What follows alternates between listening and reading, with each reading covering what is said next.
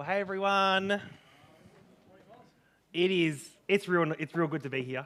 Uh, last week, Morgan and I were on holidays, and we went and visited one of our friends' church, and it was great. And on the way home, we were just like, "Yeah, that was fine. We just wanted to be at Riverstone because uh, this is the best place to be on a Sunday morning." If we haven't met before, there's something about me that you will learn very quickly when you speak to me, and that is that I have a resting, smiling face. Like, this is my face. I don't put this on, I don't try to do this. I just kind of always smile, unless there's a reason not to. And you know, those reasons will come and go. You know, I'll be waiting at River Fuel and someone pushes in. That's, I'm not smiling then. But I am smiling when someone behind me gets out of their car to confront that person. Oh, the dream. I love it so much. But normally, I'm smiling. In my four years at Bible college, uh, I had to walk every day from Redfern to Newtown through Sydney Uni. And over my four years, I was asked for directions more than 10 times. I'm a huge man with a beard. You wouldn't ask me for directions, but people did because I have a resting smiley face. And I think the reason I do, I just don't really get angry that often. It's not really an emotion I feel very often. But a few weeks ago, Angry Miles emerged. When Morgan was on holidays, we, uh, we worked as a team to repaint our kitchen cabinets. We did some renovation work together for the first time. And oh boy, did the tempest of fury swell up in me. Not at Morgan. She was awesome. She did most of the work. She, she nailed it. I wasn't angry at Morgan. I was angry at the cabinet door hinges. Have you done those things before? Adjusting them is like doing surgery. It's like they were sentient and they were working together to make it as frustrating as possible for me. I'm pretty sure kitchen cabinet door hinges are a direct result of the fall. I got into a fight with these stupid hinges. And although I was eventually victorious, I actually did get quite cross. Maybe I was cross at myself for being bested by a hinge, but you know, this is, this is what happened. I had a fight with these hinges, and now it's all done, looks beautiful, looks all neat. But you know, if the worst fight I ever got into was with some cabinet hinges, that wouldn't be so bad. But that's not the worst fight that I've been in. It's not the hardest fight I've been in, and it's certainly not the fight in my life that has determined the most important outcome. Because there is a bigger fight, an ongoing fight, a fight which the outcome really does matter.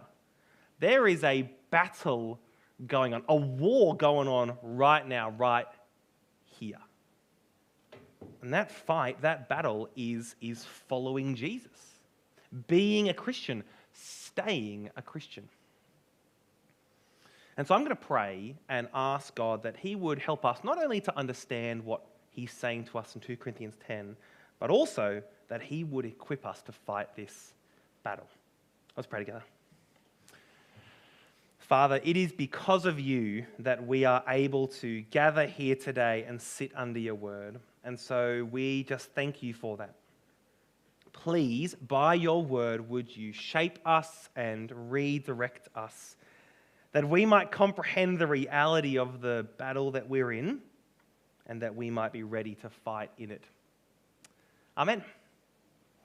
All right, Miles, so what battle are you talking about? What kind of battle are you talking about?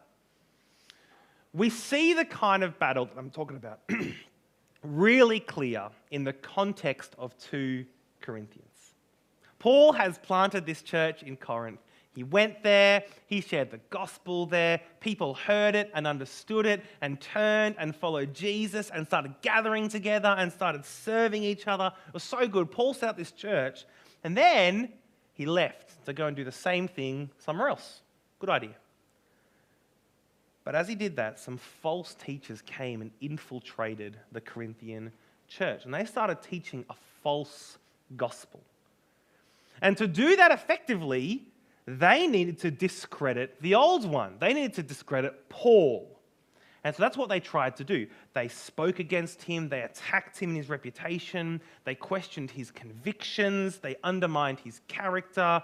And we know all this because of how Paul responds to all this through his letters. There is a battle here that Paul is fighting. It's a battle of truth versus lies. On Paul's side is the truth of the gospel the truth that Jesus Christ is Lord and that by his death and resurrection on the cross, we have won salvation with him. We see this truth given to us in the Bible. It's revealed to us through the Spirit. That's over here. That's Paul's side. And on the other side, these false teachers is just lies lies about the gospel and lies about Paul. They're trying to attack him, undermine him. That's the battle Paul's in. And it's also the battle that we are in truth versus lies. And for us to hold on to the truth is to hold on to Jesus. So it's real important we get this right. So, what do we do when we come under attack in this battle? That's the question we're going to answer today. How do we respond? What do we think when the battle becomes more fierce in our own lives, in our home, or in our church, or in our relationships, whatever it is? What do we do when people speak or think negatively about us because of our faith? How do we respond to that? Perhaps to start with one kind of extreme example. How do we respond when someone is talking to you and they find out our church's views on marriage? And then they tell us what they really think about us. How do you respond to that? Even in the little moments, how do you respond when people question why you would give your money to church? You know, why not be smart and invest it? Or why don't you spend it on yourself? Or when people question you, why would you go to church every week? Like, can't you just skip it? Does it really matter? People won't notice, right? Like, how do we deal with this? How do we respond to anything in that realm? Resistance to the gospel, lies about the gospel, any kind of opposition? That's our question. And the reason that we're able to answer that question well is because it's right for us to follow Paul's example as he follows the example of Jesus.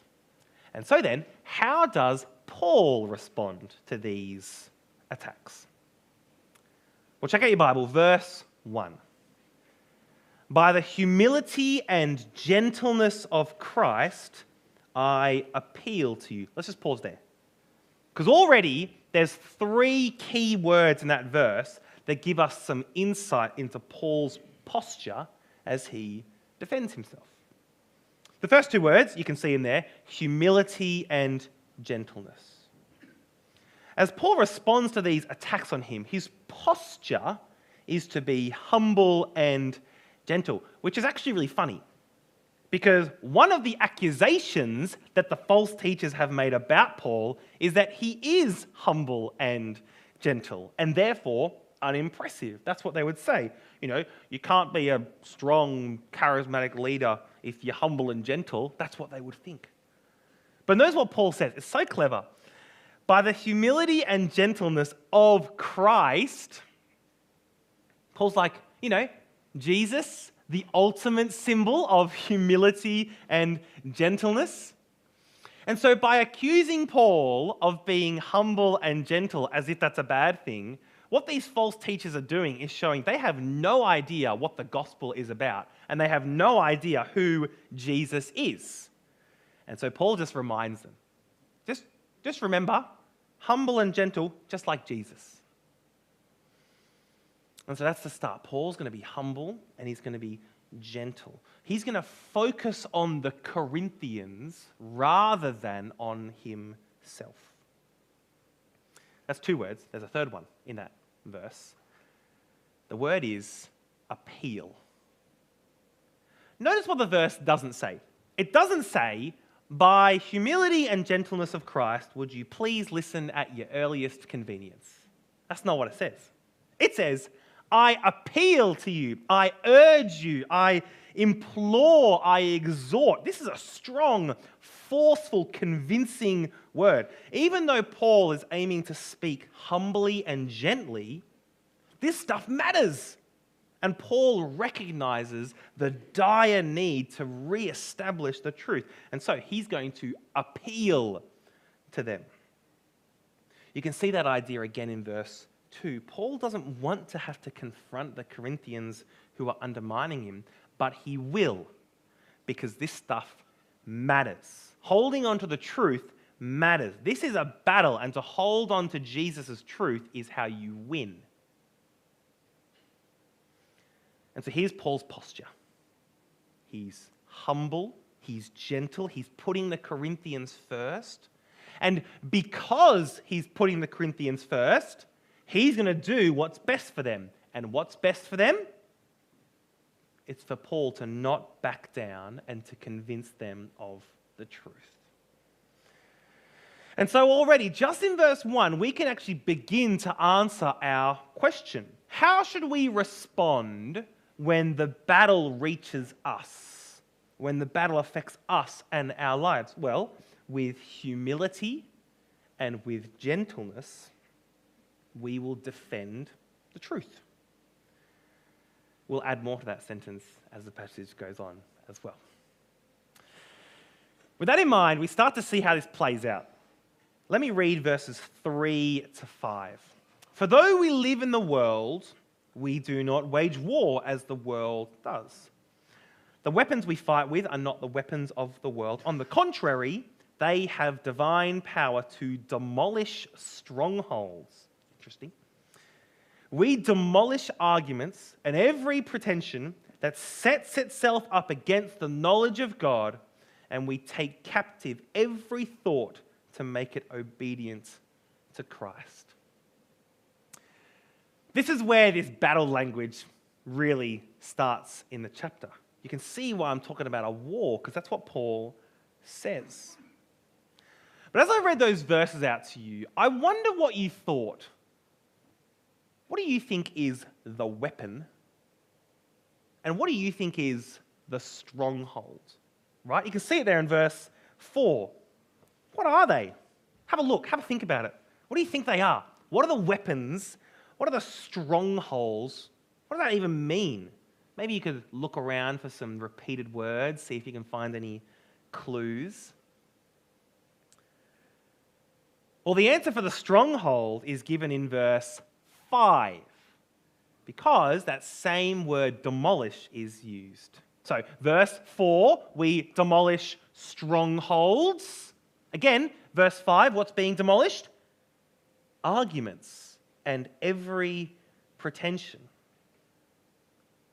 Arguments and every pretension that sets itself up against the knowledge of God.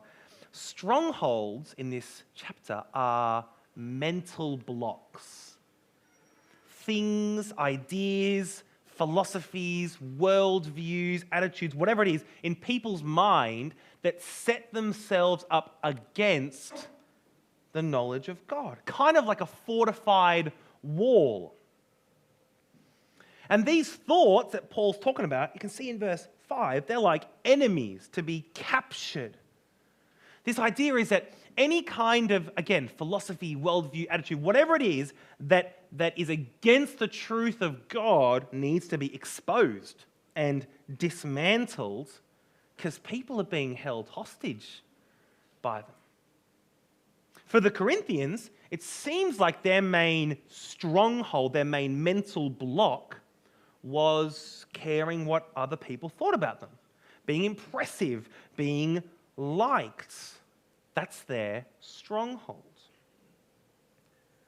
But it's not hard to imagine, is it? Other examples.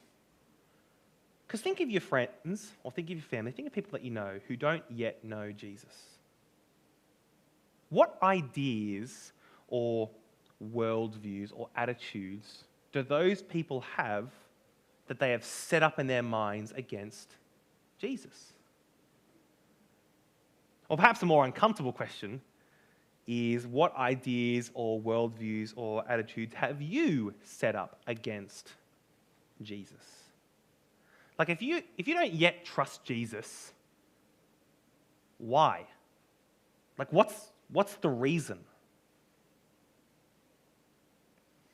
For lots of people I know, their reason is the same reason as the Corinthians. They care so much about what other people think about them that to accept the unpopular truth about Jesus just isn't an option. For other people I know, it's idolatry. There's something else that so consumes their life and their time and their thoughts that there's no room for God.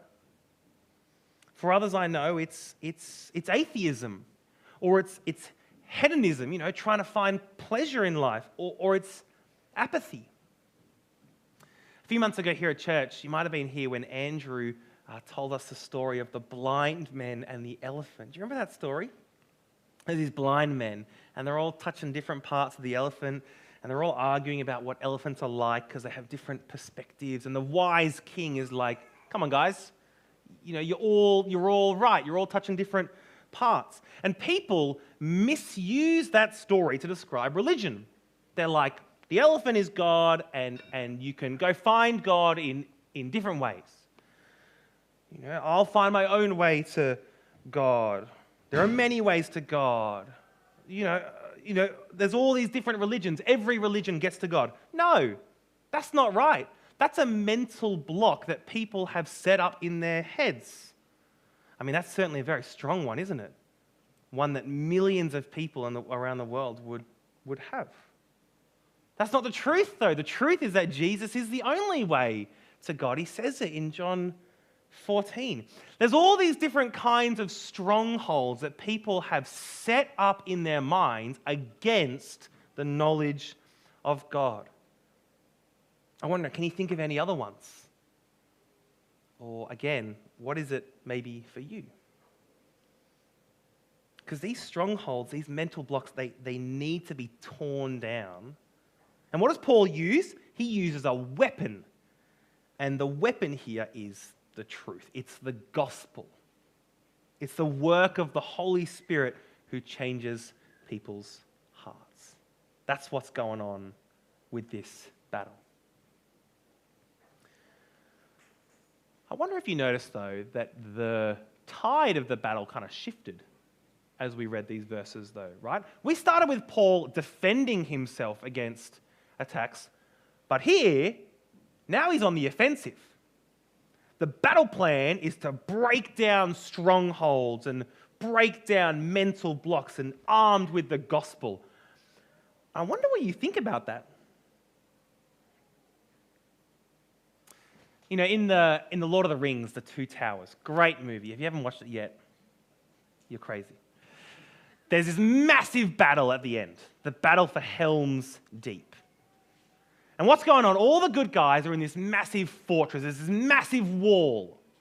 And the good guys are there, and the baddies, the, the Uruk-hai, they're on the field. There's so many of them.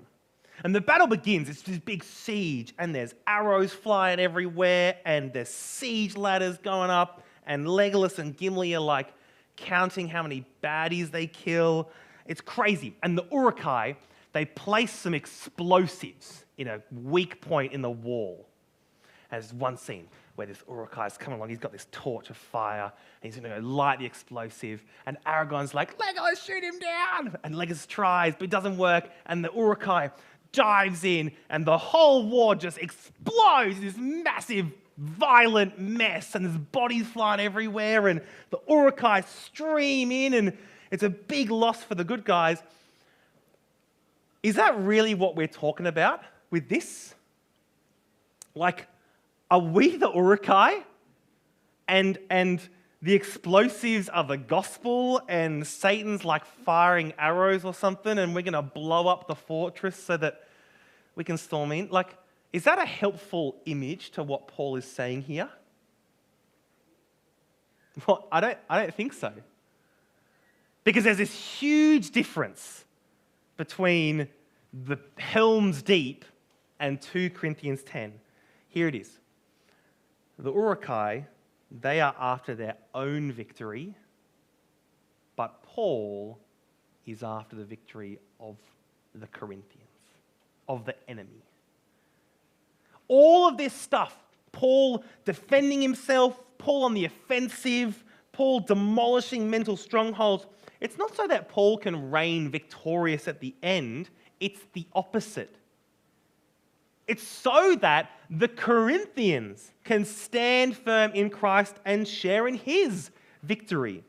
Paul attacks so that the Corinthians might win, might be victorious.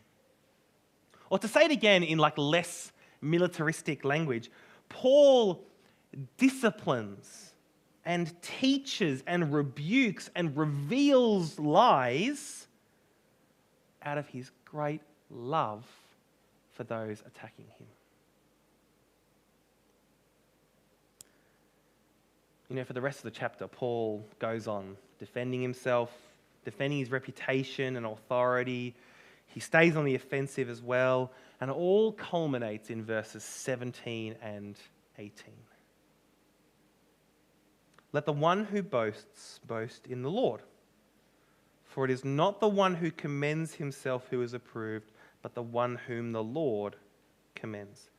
The reason Paul boasts and defends his reputation isn't to protect his reputation. Let me say that again. That's so weird, right? Paul boasts and defends his reputation, but not to protect his reputation. He does it to protect the Corinthians. He does it to save them from the vultures teaching them a different gospel. When Paul boasts and defends his reputation, it's not for his sake to make him look good. No, let the one who boasts boast in the Lord. Everything that Paul is doing here, he's not doing it for himself, he's doing it for the other. He's other person focused. You know, Paul would say, it's not about me, it's about God and honoring him. It's not about me, it's about the Corinthians and leading them back to the truth. It's not about me. Who cares about me? Who cares about what people think about me? All that matters is what people think about Jesus.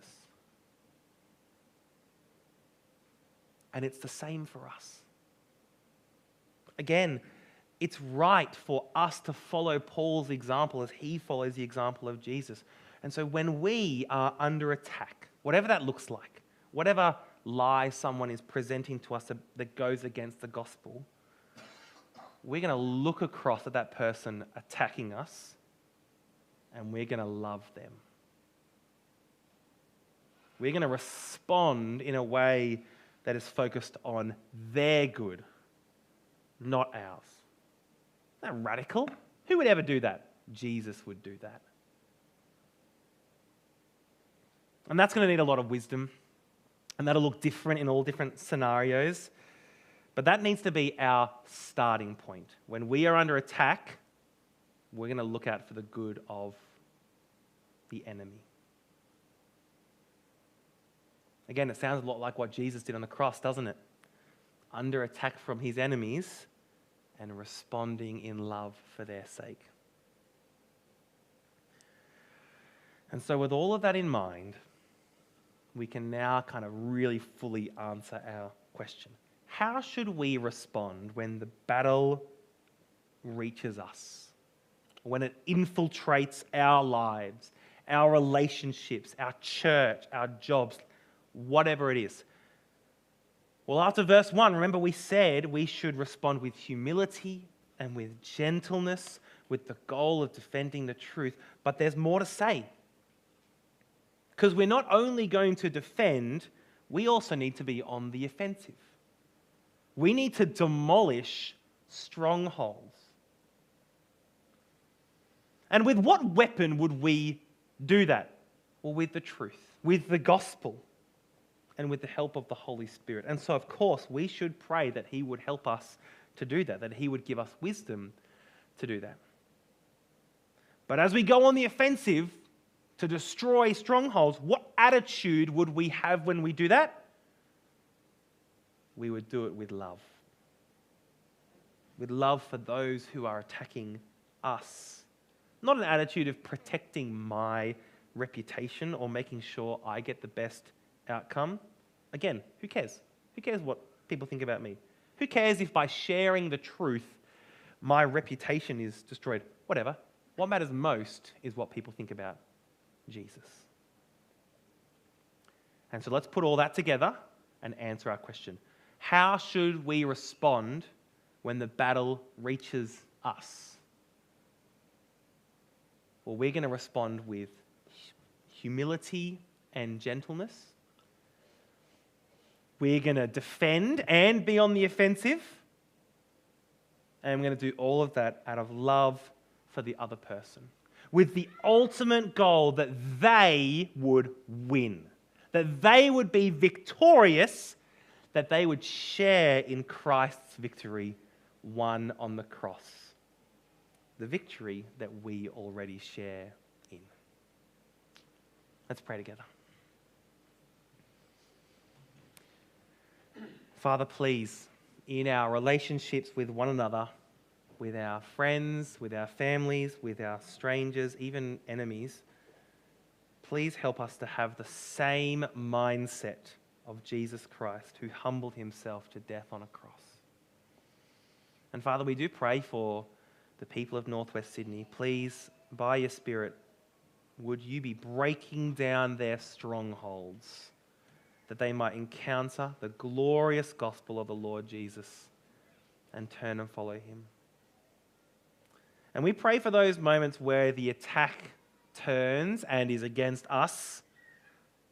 Father, give us courage, give us wisdom, give us perspective, that we might speak the truth in love. Again, that your kingdom might grow. And we pray these things because we trust you and we love you. Amen. Awesome. Thanks, Miles. All right, we're going to stand and sing our last song this morning.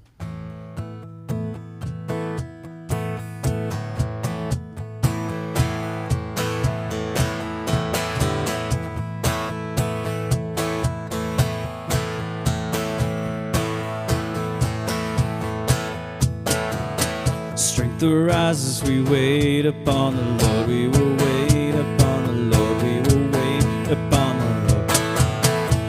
Lord. Strength